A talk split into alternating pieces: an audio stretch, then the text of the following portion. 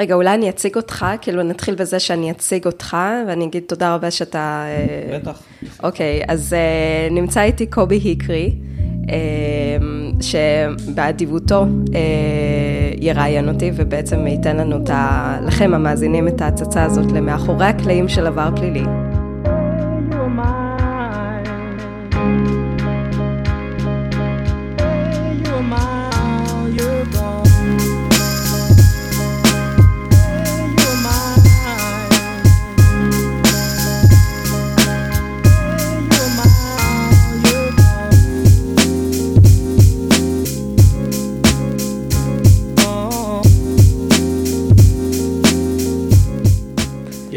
רקע למעשה בפודקאסטים עוד לפני הפודקאסט אה, עבר פלילי. נכון.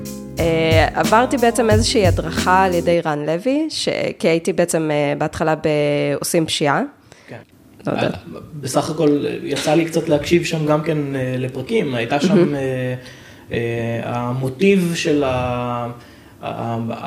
הבנייה של הפרקים והצורה...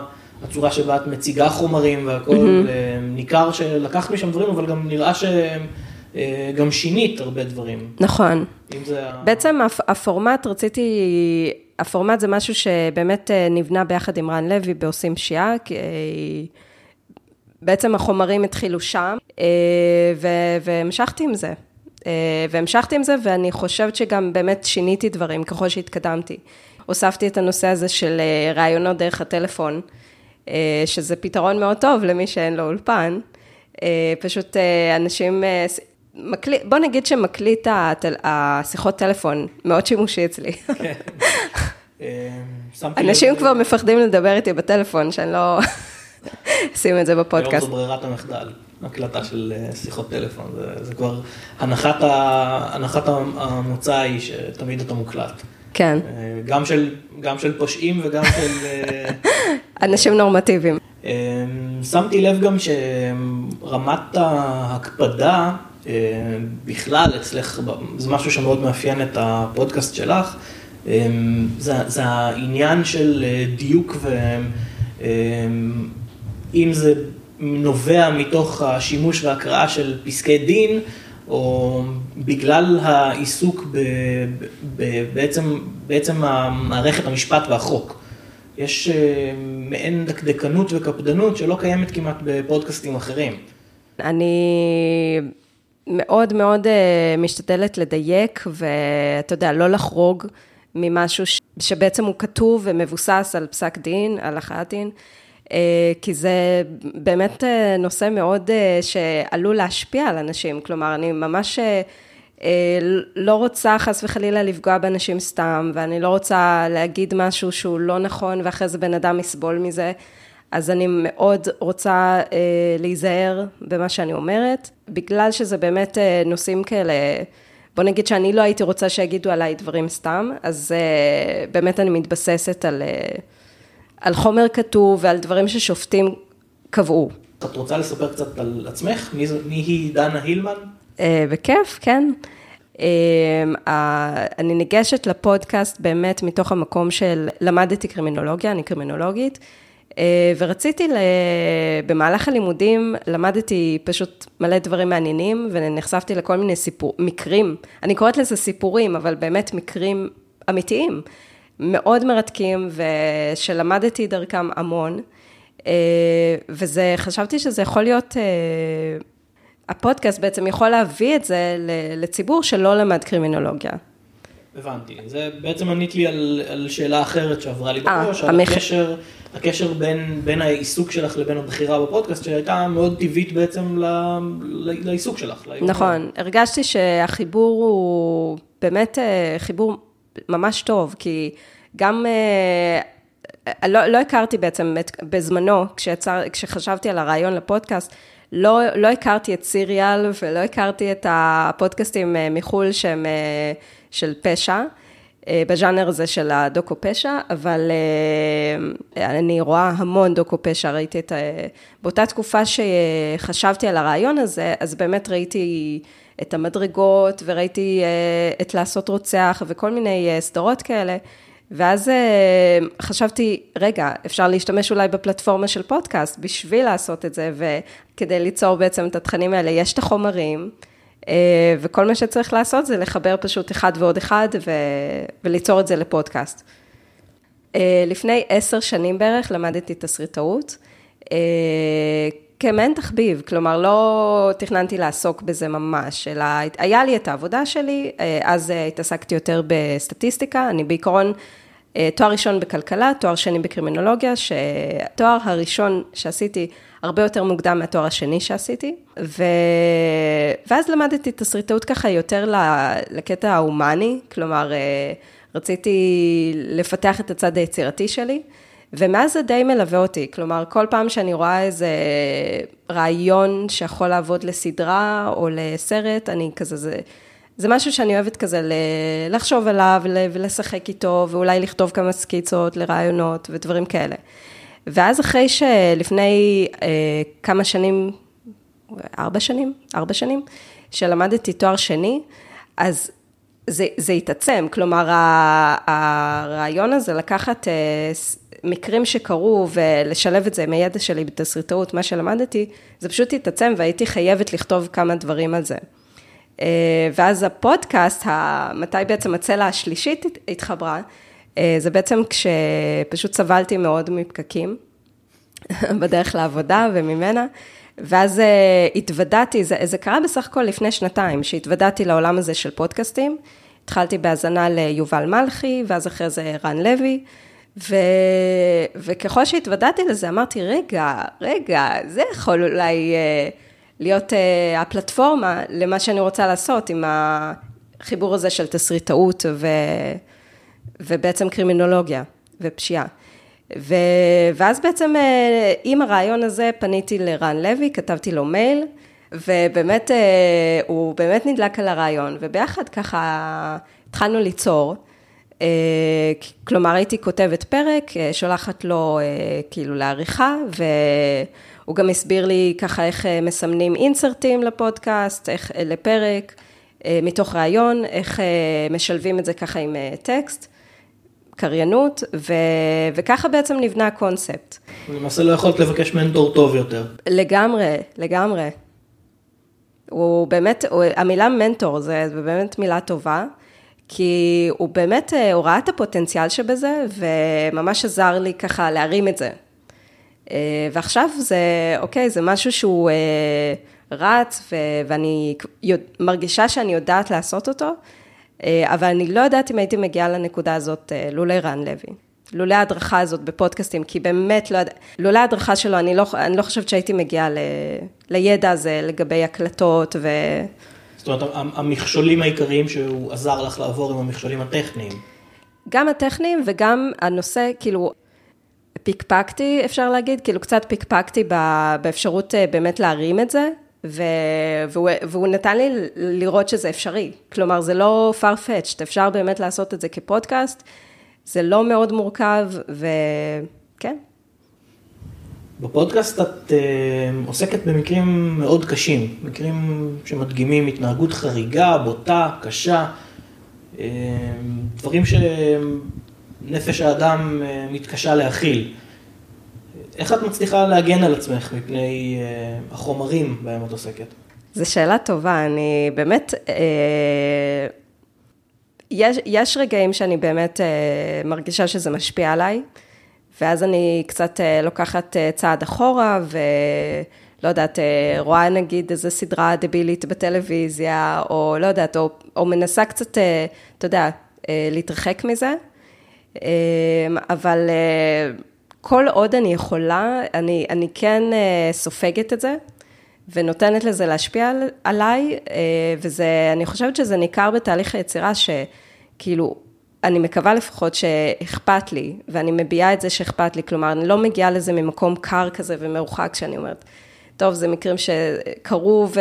כלומר, זה כן אישי, זה נהיה אישי, אה, יש, אני יכולה להגיד לך שיש פרקים שכתבתי, ותוך כדי שכתבתי אותם, ממש בכיתי, ממש, אה, אה, לא יודעת, זה, זה, זה, זה ממש לקח אותי חזק לאותו מקרה, וממש יכולתי, והרגשתי את הסבל. הרגשתי את הסבל של המשפחה, הרגשתי את, ה, את העוול שנעשה במקרים שנעשה עוול, אה, ואז היה לי ממש קשה. אבל אה, צריך למצוא את האיזון, זה באמת, זה לא פשוט, כאילו, הידע, כאילו, שאתה יודע על עצמך, מתי קצת אה, להתרחק, מתי לסגת, ומתי אפשר להמשיך, ו... ואתה בסדר עם זה. אוקיי, okay, אז את למעשה מתזמנת לך אה, הפסקות יזומות בתוך תהליך של... אה, גם, גם הפסקות יזומות, אבל גם כשאני מרגישה שאתה יודע, שאני רואה על, על ההתנהגות שלי, שאני נהיית מצוברחת מדי, ואני רואה שאני כאילו עצבנית מדי ואני לוקחת את זה קשה, אז אני פשוט אה, מנסה להיות אה, מחוברת לעצמי, להיות מודעת לעצמי, להגיד, דנה, אה, ת, תקחי הפסקה. קצת להתנתק, לנקות את הראש, ו, וטיפה, את רוצה הרי להוציא פרקים, נכון? אז את צריכה טיפה להתרחק כדי שבאמת תוכלי לעשות את זה, אחרת זה פשוט לא, את תעצרי. עוד דבר, זה באמת שלאורך אה, התקדמות העונה, אם אה, חדי העין ישימו לב, או, או חדי האוזן ישימו לב, אה, שהיה איזה שלב באמת שהתחלתי, הפרקים נהיו יותר, אה, עם יותר מרווח ביניהם, זה בעצם כדי באמת לאפשר לי את הטיפה התרחקות הזאת, שמאזנת, כי כל פעם הרגשתי ש... לא יודעת, פשוט כל פעם לעשות את, את הכל, להספיק לעשות את הכל, ולהמשיך אה, חיים אה, קצת שגרתיים, זה קצת נהיה קשה, ובאמת, אז זה היה השלב הזה שריווחתי יותר בין פרק לפרק. האם העיסוק במקרים שאת מתארת וחוקרת, גרם לך לשנות את התפיסה שלך לגבי מערכת השיטור, מערכת המשפט בארץ? וואו, אמ, זה כן, ככל שאני באמת נחשפת ליותר אה, חומרים ופסקי דין ו... אה, ועבודה משטרתית כפי שהיא באה לידי ביטוי בראיות של, ה... של המקרים שאני מביאה, שאני מציגה, אה, זה באמת גורם לי להעריך הרבה יותר את עבודת הקודש ש... שאנשים עושים. למשל, החוקרים, השופטים, זה פשוט, אה, זה, זה הרבה יותר חושף, ואני חושבת שרוב האנשים לא, פשוט לא נחשפים לזה באותה מידה. ואתה יודע, כשלא יודעים משהו, זה קל יותר אולי לזלזל, או להמעיט בחשיבות של זה, אבל אה, כשאני רואה את זה בפסק דין אחרי פסק דין, אז אני הרבה יותר רואה את זה. מצד שני, אני סתם מביא כדוגמה את המקרה של צחי בשה, אה, שנדון בפרק הרביעי, עם, אה, כשהתארח אצלנו אה, עורך דין יום טוב, אריאל יום טוב, אז הרגשתי המון תסכול, כלומר ראיתי את העוול של ההורים שלו, שבעצם בעצם הפסידו, אפשר להגיד כמעט בכל המערכות, הרוצחים קיבלו עונש יחסית מקל, אה, ואז אה, ככל שנחשפתי באמת לחומרים, אז הרגשתי את התסכול הזה, שלמה המערכת אה, לא עובדת? למה, למה היא, היא עושה להם את העוול הזה? כלומר, למה הם גם צריכים לאבד את הבן שלהם, וגם עוד אחרי זה להתמודד עם כל מה שהם התמודדו? אז, ואז זה כזה קצת, זה, זה סוג של חשיפה שלא לא נעימה, זה לא נעים לראות את זה. כלומר, הייתי מעדיפה, כמובן, מן הסתם, לראות ש, ש, שיותר מקב... יותר מצליחים לקבל את הצדק, במרכאות, אה, בצורה יותר אה, קלה, יחסית, כן. הראיתי שבאמת זה אפשרי. תמיד אומרים, אין סיכוי מרוצחים, מעבריינים, לא אפשר, אי אפשר לגבות, וזה סתם בזבוז זמן, אז הנה, הוכחתי, זה לא בזבוז זמן, זה אפשרי. עכשיו, אתה ליווית את, המשפח, את המשפחה הזאת, את משפחת נכון? כן.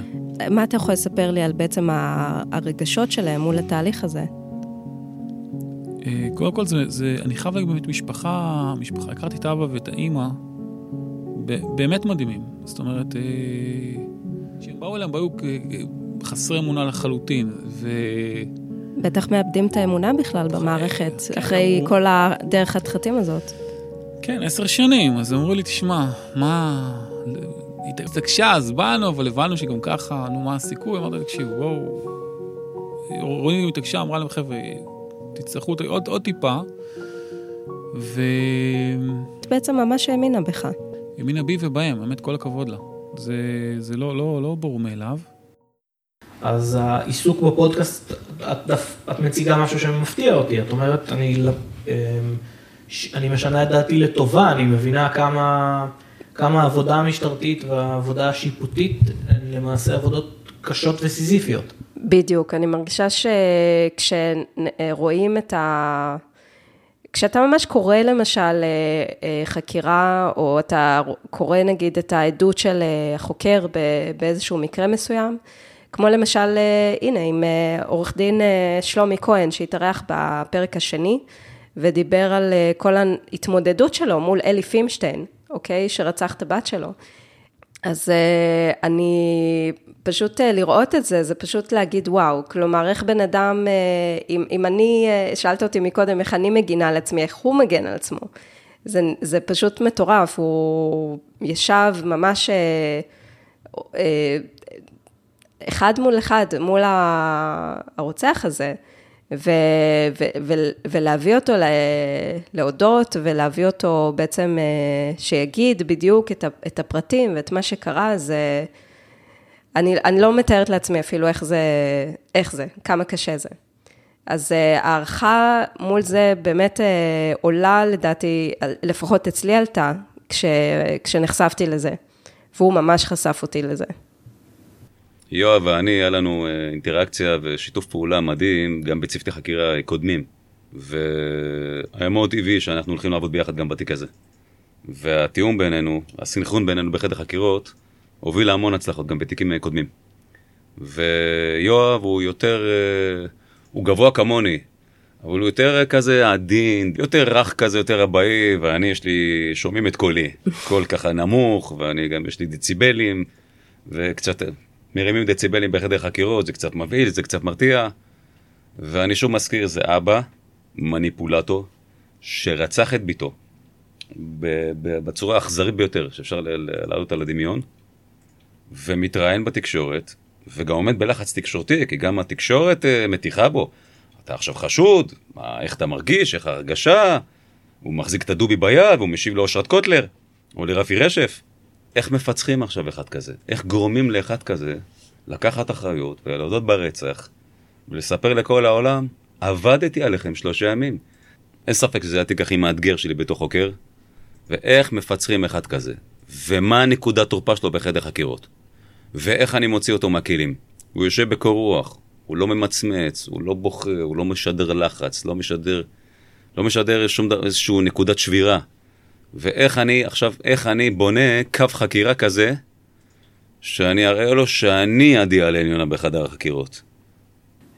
שאלת המאזין אדם רש, האם תוכלי לתת הסבר לגבי הפוליגרף? ותוספת אישית שלי, האם פגשת מקרים בהם השימוש בפוליגרף הכריע את הכף לכאן או לכאן? אוקיי, okay, אז אה, שאלה ממש מעניינת. אה, מה שחשוב לדעת זה שפוליגרף, וזה הפתיע אותי כשאני למדתי על זה, פוליגרף אה, הוא בעצם, הוא לא כלי שקביל בבית משפט, כלומר אי אפשר לבוא ולהציג אה, תוצאה של פוליגרף ולהגיד, הנה, זה מוכיח שהוא אשם או שהוא חף מפשע. זה לא עובד ככה. הפוליגרף הוא איזשהו כלי חקירתי, כלומר, אם רוצים, בחקירה, למשל, הנה, במקרה של אלי פימשטיין, שאלו אותו אם הוא מוכן להיחקר בפוליגרף, הוא אמר שכן. ואז ברגע שהוא אמר כן, אז החוקרים, אה, זה קצת אה, משיג אותם, אוקיי? זה קצת מסייג אותם, כי הם חשבו, הם ממש חשדו בו. ואם הוא אומר שהוא מוכן להיחקר בפוליגרף, אז אולי הוא, הוא בטוח בחפות, בחפות שלו, ומוכן, כלומר, להראות את זה על ידי פוליגרף. ומה שמדהים זה שהוא הצליח, אה, בעצם הוא יצא דובר אמת בפוליגרף, כלומר, אה, ולמרות שברור לנו והוא הודה והוא שחזר ואנחנו יודעים שהוא אה, רצח את, את ביתו, את הודיה קדם, אז בעצם הפוליגרף הוא כלי יותר חקירתי, הוא לא באמת כלי כדי לדעת אם בן אדם הוא באמת דובר אמת או דובר שקר. מה שהחוקרים והשופטים מסתמך, התביעה בעצם מסתמכת עליה בהצגת הקייס שלה, זה יותר הראיות והעדויות ומה, ש, ומה שהנאשם אומר בסופו של דבר, והראיות החיצוניות שתומכות או לא תומכות במה שהוא אומר. למשל בדיקות DNA, כל מיני ראיות, כמו למשל נוכחות, הנוכחות שלו באיזשהו מקום מסוים, האליבי שיש לו או אין לו, זה, אלה, אלה הדברים שבעצם מכריעים את הכף. אוקיי, okay, זאת אומרת, לא, לא, לא ראית מקרה שבאופן חד משמעי, אה, מה שהכריע את אה, פסיקת השופט הייתה תוצאת בדיקת פוליגרף. ותודה לאל שלו, כי הנה, למשל אה, מקרה אליפינשטיין, אם היו מסתמכים על בדיקת הפוליגרף שלו, אז היו אומרים שהנה, הוא דובר אמת ואין לו שום קשר להיעלמות של אודי הקדם, ובפועל כן הייתה לו. הוא כנראה, יש אנשים אה, שמצליחים אה, אה, לעשות, אה, בעצם לצאת דוברי אמת בפוליגרף, למרות שהם אה, משקרים, או בעצם אומרים את ה... אומרים דברים שהם יודעים שהם לא נכונים. הרי הפוליגרף בנוי מכל כך, אה, מבעצם עניין השוואתי, כלומר, משווים את איך שהוא מגיב כשהוא, מדבר, את אה, הנושא של לחץ הדם והדופק, אה, כשבן אדם דובר אמת, לעומת כשהוא דובר שקר, ולפעמים בהשוואה הזאת, זה פשוט איזון של כמה דברים, ויכול להיות גם שמי שבודק את זה אולי טועה, כלומר, זה, זה, לא, זה לא כזה כלי מדעי ומדויק ומאה אחוז, כמו שאנשים, אה, הציבור לדעתי חושב שזה. שאלת המאזינה יעל. היי דנה, זו יעל.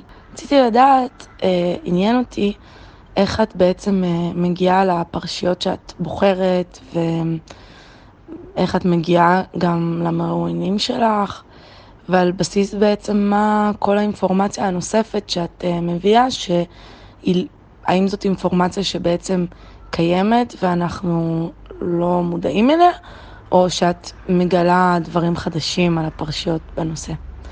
תודה. אה, אז ככה, לגבי איך אני בעצם חושבת על אה, פרק שאני הולכת אה, לעשות, או מקרה מסוים ש... שאני הולכת לעשות. אז היו פרקים, אתה יודע, כמו למשל לימודי הקדם, ולמשל גם הפרק רצח משפחת אושרנקו, הסדרה האחרונה שיצאה בעצם.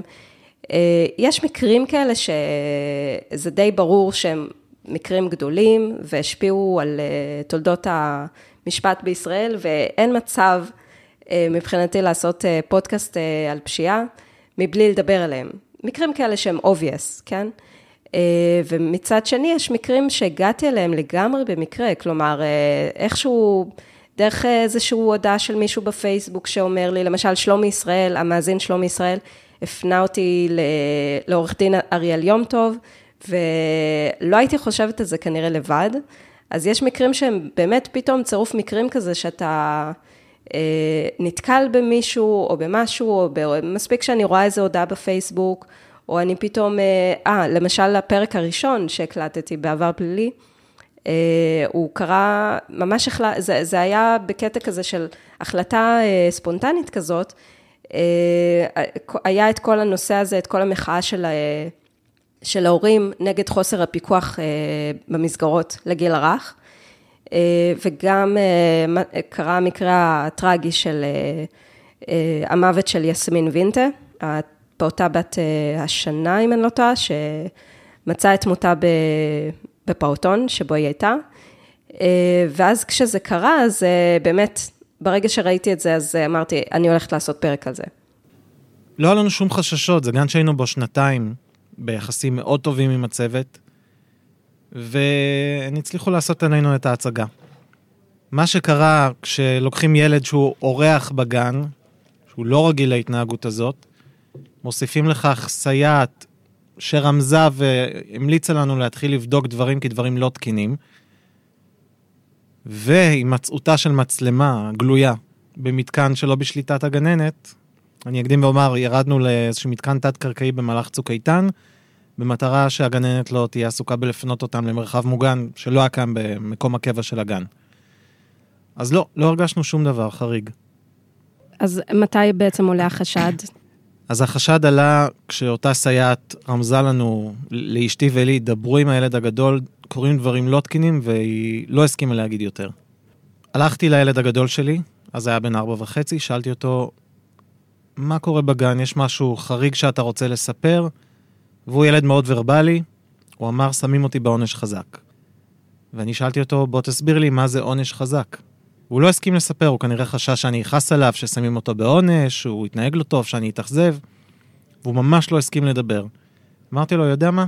בוא תדגים עליי מה זה עונש חזק, תראה לי, אל תספר. ואז מבלי לחשוב פעמיים, הוא פשוט חבט לי בפנים.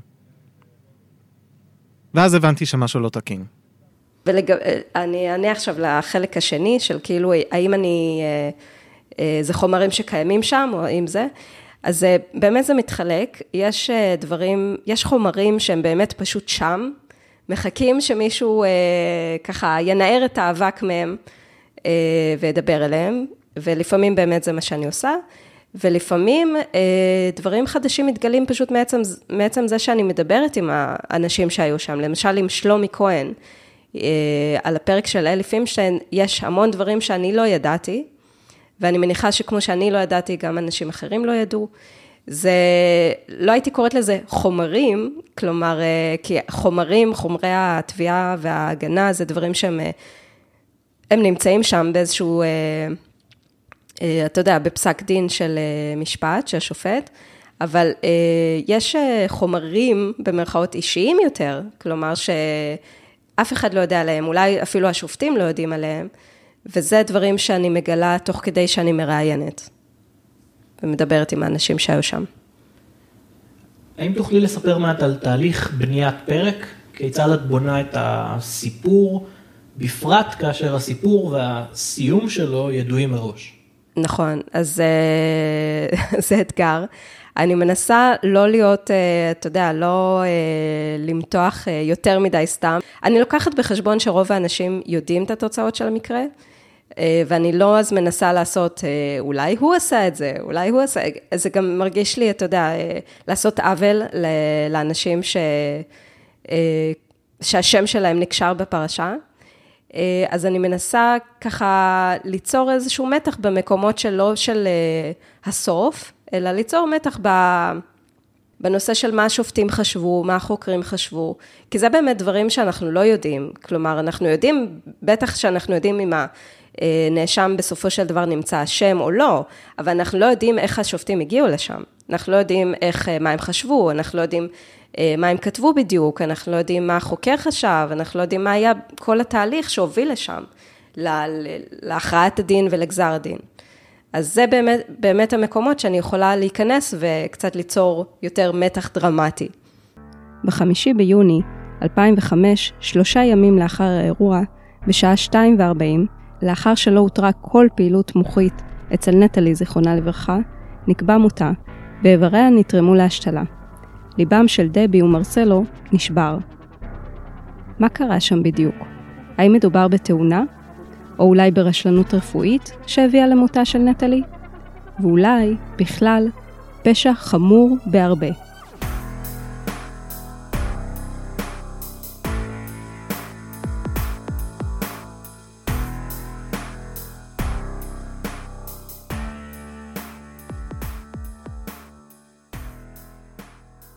האורח שלי לפרק הזה הוא דוקטור דניאל אוחנה.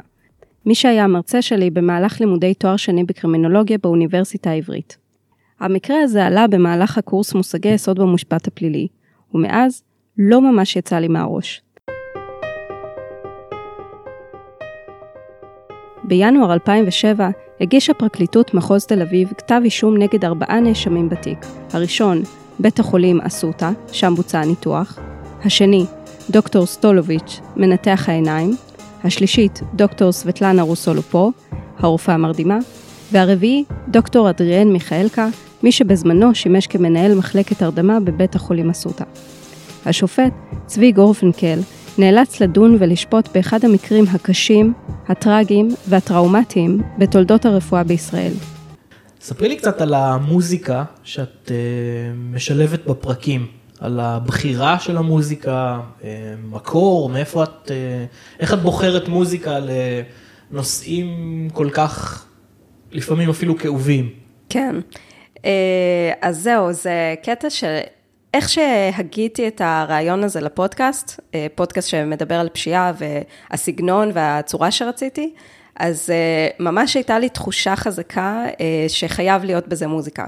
ה vision שלי של הפודקאסט שהוא קצת כמעט קולנועי, או כזה טלוויזיוני. אז אה, היה לי מאוד חשוב שבאמת מוזיקה תהיה חלק אה, בלתי נפרד מזה.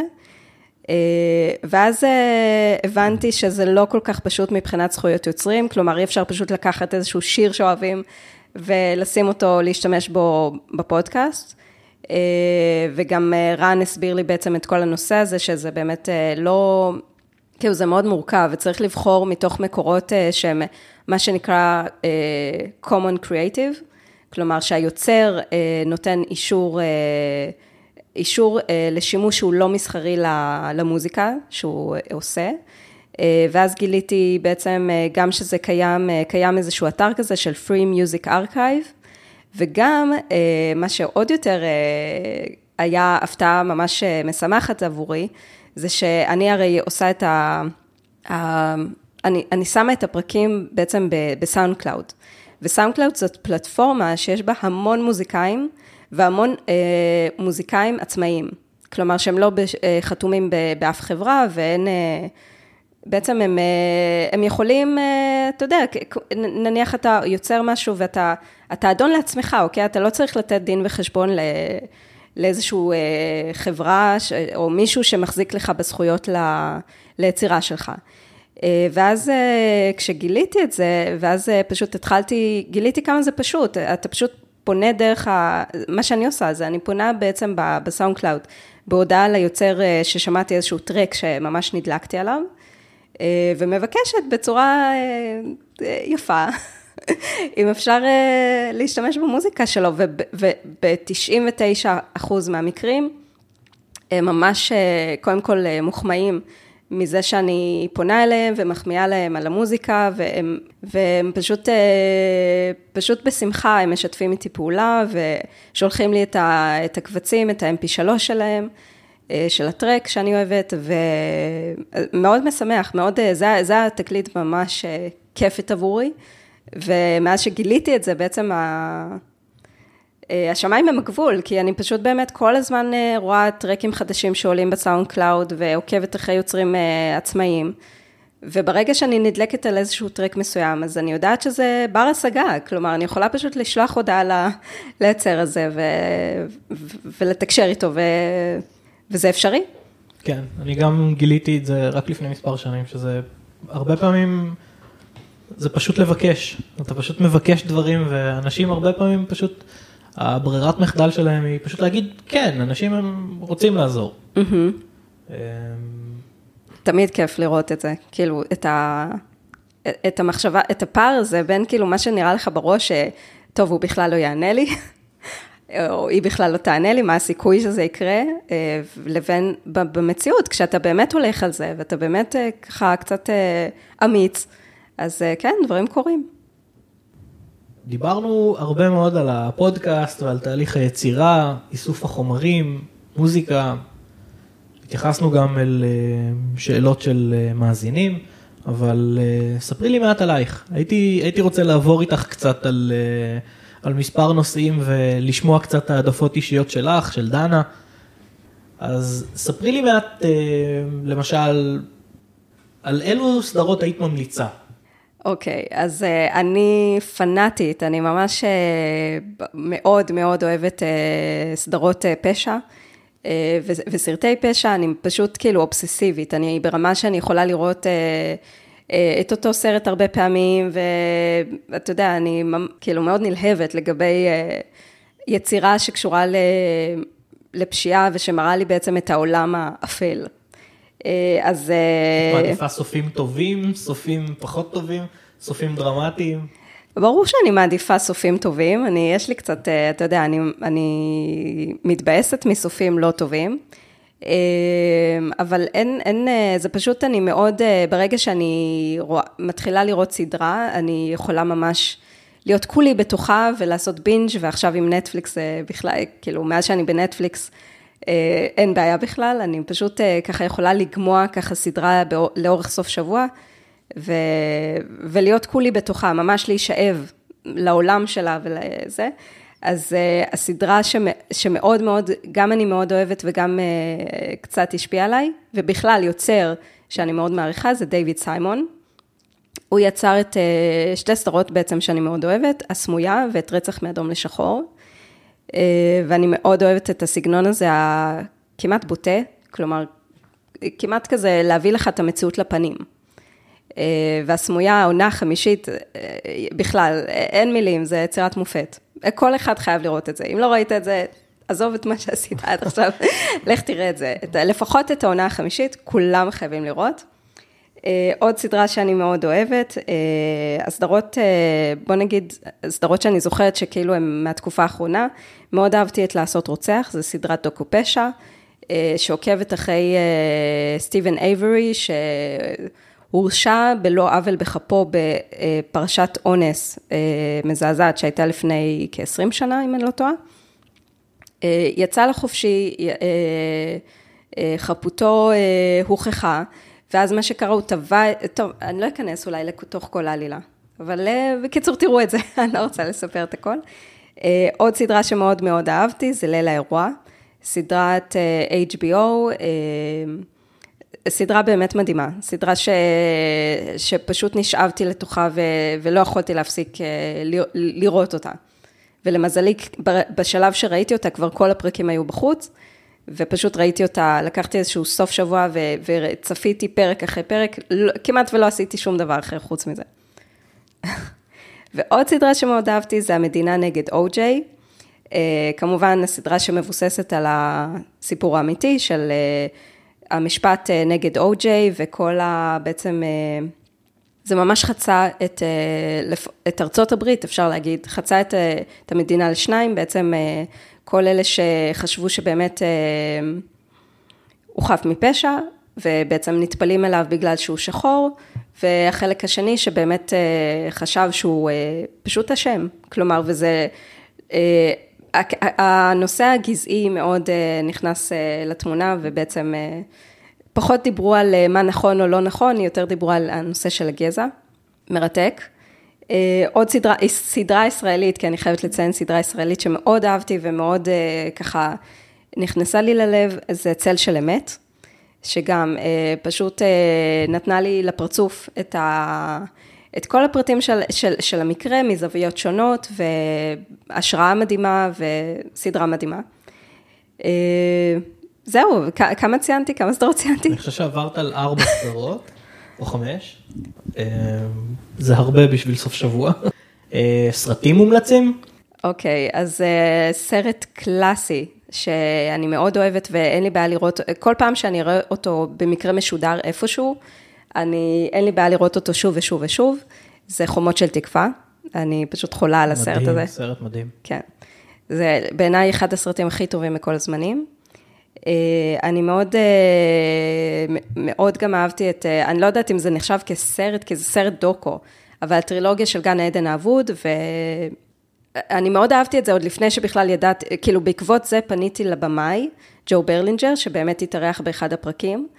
לא ידעתי כמובן שהוא יסכים בכלל להתארח באחד הפרקים, אבל עוד הרבה לפני שראיינתי אותו, נשאבתי לטרילוגיה הזאת של אה, גן העדן האבוד, על אה, רצח מזעזע שקרה בגבעות רובין הוד בווסט ממפיס, בעיירה קטנה כזאת בארצות הברית.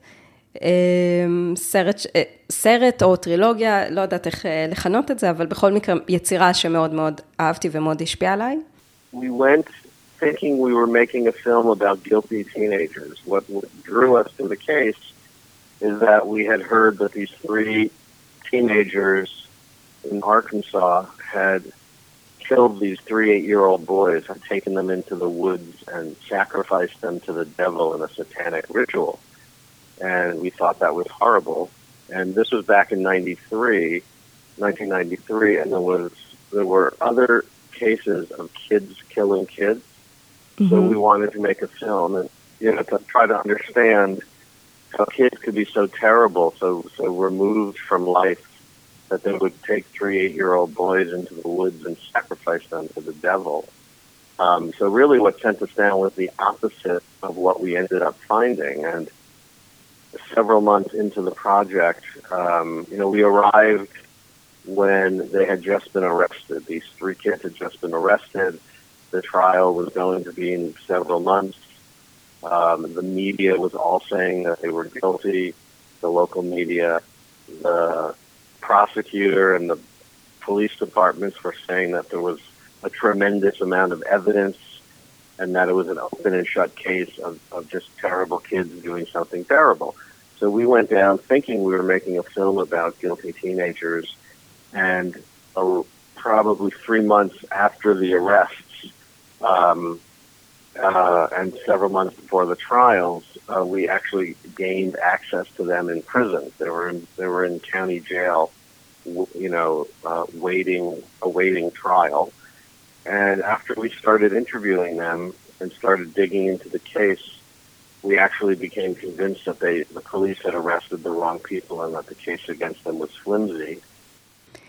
Uh, Hassan Dak, or the eh, classica. גם טרילוגיה, אבל לא דוקו.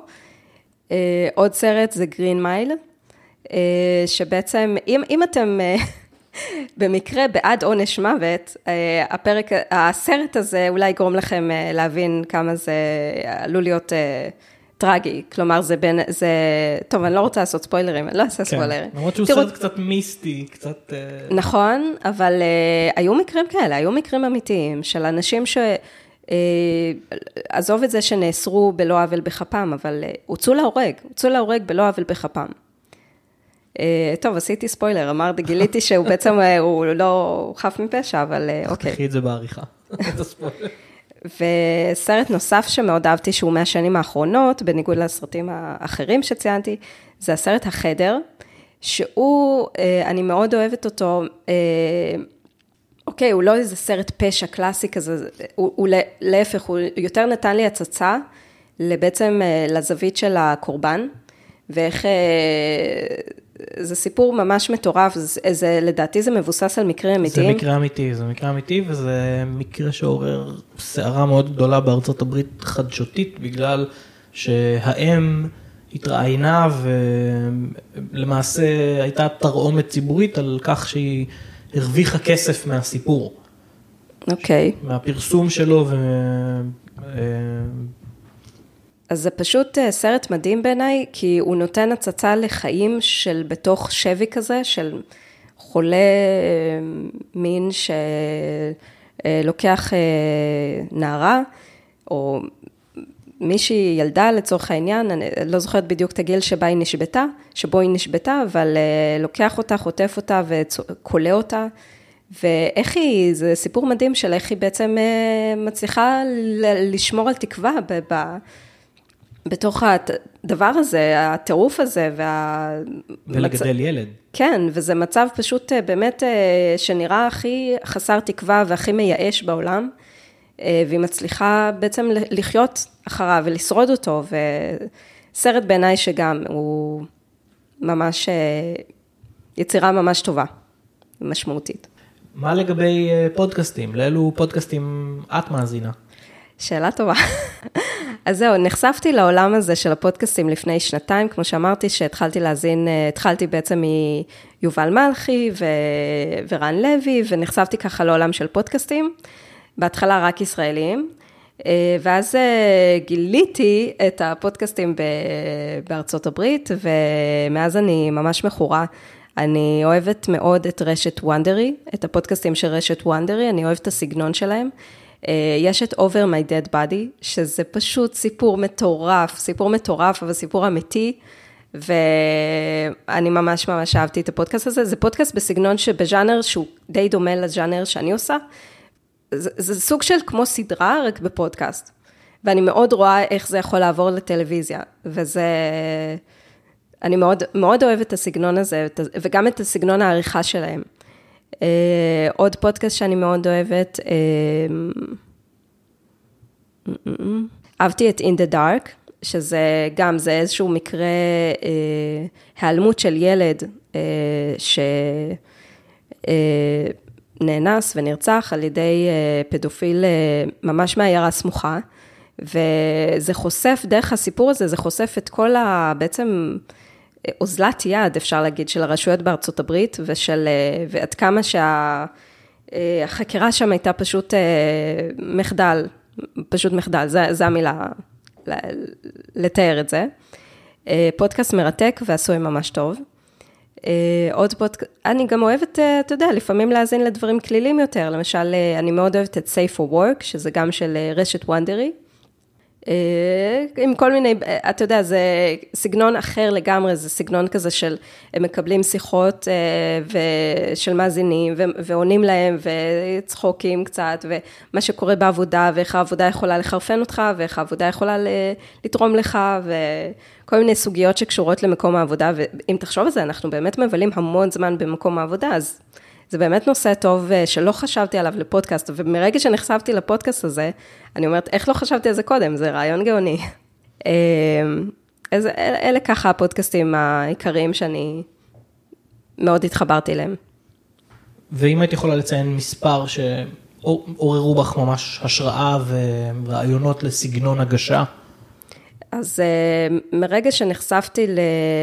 נחשפתי בדיעבד, ממש באיחור לסיריאל, אה, וזה מעורר השראה, מצד שני ההפקה, רמת ההפקה שם היא מטורפת, כלומר זה ממש אה, פודקאסט כאילו שהוא ממש, אה, הוא סוג של תחקיר עיתונאי, כאילו זה ממש נכנס לרזולוציות כאלה שלי אין את המשאבים להיכנס אליהם, אבל מדהים, ובאמת מעורר השראה, למרות שצריך לעשות את ההבחנה בין מה אני יכולה לעשות, מה ב... במסגרת המגבלות שלי אני יכולה אולי לעשות משהו דומה ומה לא. לקחתי כמה דברים משם, למשל את הנושא הזה של אה, שיחות טלפון מוקלטות, זה משהו שמאוד שימושי לי עכשיו, כי אין לי אולפן בעצם, זה בבית, ואני מאוד אוהבת את הסאונד הזה בכלל, של כאילו, של שיחה מוקלטת, זה נשמע הכי אותנטי ו, וכזה גולמי ו, ואמיתי, אני מאוד אוהבת את זה בפודקאסטים. אה, אז זה משהו ככה שלקחתי מסיריאל. רגע, יש פה שאלה ממאזינה מאוד מיוחדת. אוקיי. אה, זה לא לפעמים ממש מלחיץ אותך, אה, נו, שלפעמים את חושבת כזה, נו, על מה יהיה הפרק עכשיו כזה, ואת נלחצת ממש? אה, לענות עכשיו? רוצה לשמוע את התשובה? אז לפעמים אני קצת חושבת, אני חושבת כל הזמן על רעיונות מראש, כדי שאני לא אהיה בלחץ כזה של מה יהיה הפרק עכשיו. אני מכינה לי כל מיני, כותבת לי במחברת אה, כל מיני רעיונות מראש, כדי שאני לא אכנס ללחץ.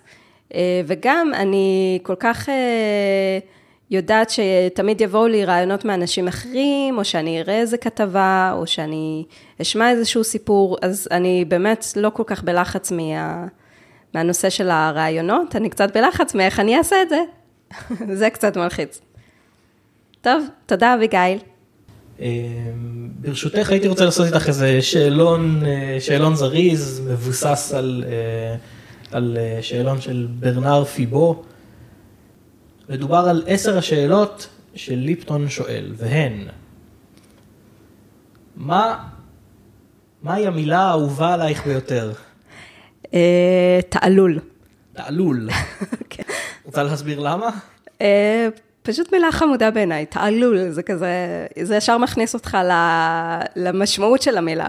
זה מסוג המילים כאלה שלא צריך להגיד יותר מדי תעלול, ואמרת, אמרת. אה, אביגיל, אפשר שקט כי אנחנו מקליטים? מהי המילה שהכי פחות אהובה עלייך? אוקיי, המילה תענוג, ואנקדוטה קטנה, פעם אפילו כמעט התפטרתי כי ייחסו לי שימוש במילה הזאת. עד כדי ככה אני לא אוהבת את המילה הזאת.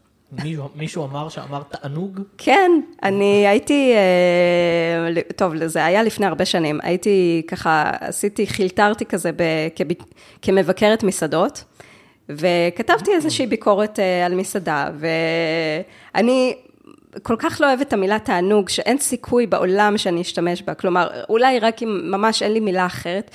אה, אבל אני, ואז העורך לקח את מה שכתבתי, את הביקורת שכתבתי, ושתל שם תענוג.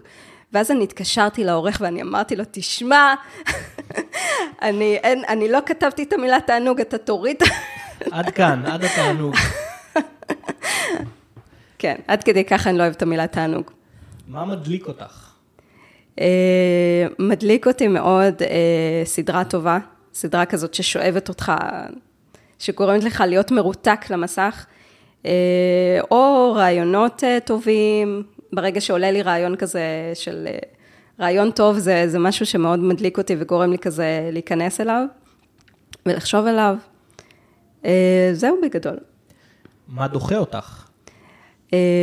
אוקיי, מה שדוחה אותי זה שאני רואה מצבים של, או שבן אדם מדבר כשאין לו מושג על מה הוא מדבר, סגנון מירי רגב, רגב כזה, שכאילו מדברת על יוצרים או על אה, יצירות ואין לה מושג על מה היא מדברת, או אה, מצבים, של, מצבים של, שאני רואה חנפנות מוגזמת, כאילו ברמה של, אתה יודע, של בן אדם שממש מנסה להתרפס למישהו, זה דוחה אותי ברמות. איזה קול או רעש את אוהבת?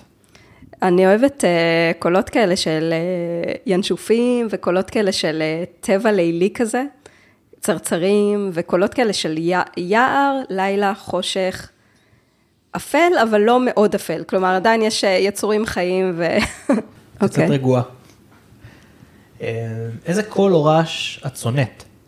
אה, לא זוכרת. אה, אוקיי. אה, זה לא יהיה פוליטיקלי קורקט להגיד את זה, אבל אני ממש שונאת קולות של מואזין חזק מדי, כששומעים אה, מואזין כזה צעקני, וזה משהו שאני שומעת הרבה פעמים כשאני בירושלים. אני עובדת בירושלים, אה, ואת, וההורים שלי גם גרים בירושלים. אני גדלתי בירושלים. כשאני שומעת את זה, זה אה, שונאת, שונאת. מהי הקללה האהובה עלייך ביותר? אה, טוב, השימושית ביותר, או בוא נגיד שאני משתמשת בה הכי הרבה, זה שיט. אה, אבל אה, אני יותר אוהבת קללות כאלה שהן אה, יותר יצירתיות ויותר כזה מפתיעות. ברומנית יש משהו כזה של דוטה לדרקו, שזה אומר, בעצם המשמעות, המשמעות של זה, זה כאילו סוג של כזה לך לעזאזל, אבל כילדה, כשהייתי שומעת דוטה לדרקו, אז חשבתי שזה לך לדרקולה, כי זה היה נשמע לי כזה כמו לך לדרקולה. זהו. באיזה מקצוע, חוץ מהמקצוע שלך, היום, היית מעוניינת להתנסות? אה, להתנסות, הייתי רוצה, הייתי, טוב, זה לא מקצוע ש, שזה מתנסים בו, אבל הייתי שמחה לדעת אה, רפואה. הייתי שמחה ל... לא יודעת, כן. כאילו לדעת לרפא, לדעת... אה, אה, בפרקטיקה. כן. באיזה מקצוע לא היית מעוניינת להתנסות? זה, אה, כל מה שקשור למכירות, זה ממש לא אני. אם קיים גן עדן, מה היית רוצה לשמוע את אלוהים אומר לך? המשך יום, צודק לך. עכשיו תסבירי את זה. אה, זה תמיד הס- הסיומת שלי, של כל פרק, אני אומרת, אה, ואנחנו נשתמע בפרק הבא, בתיק הפשע הבא. ועד אז, המשך יום, צודק לכם.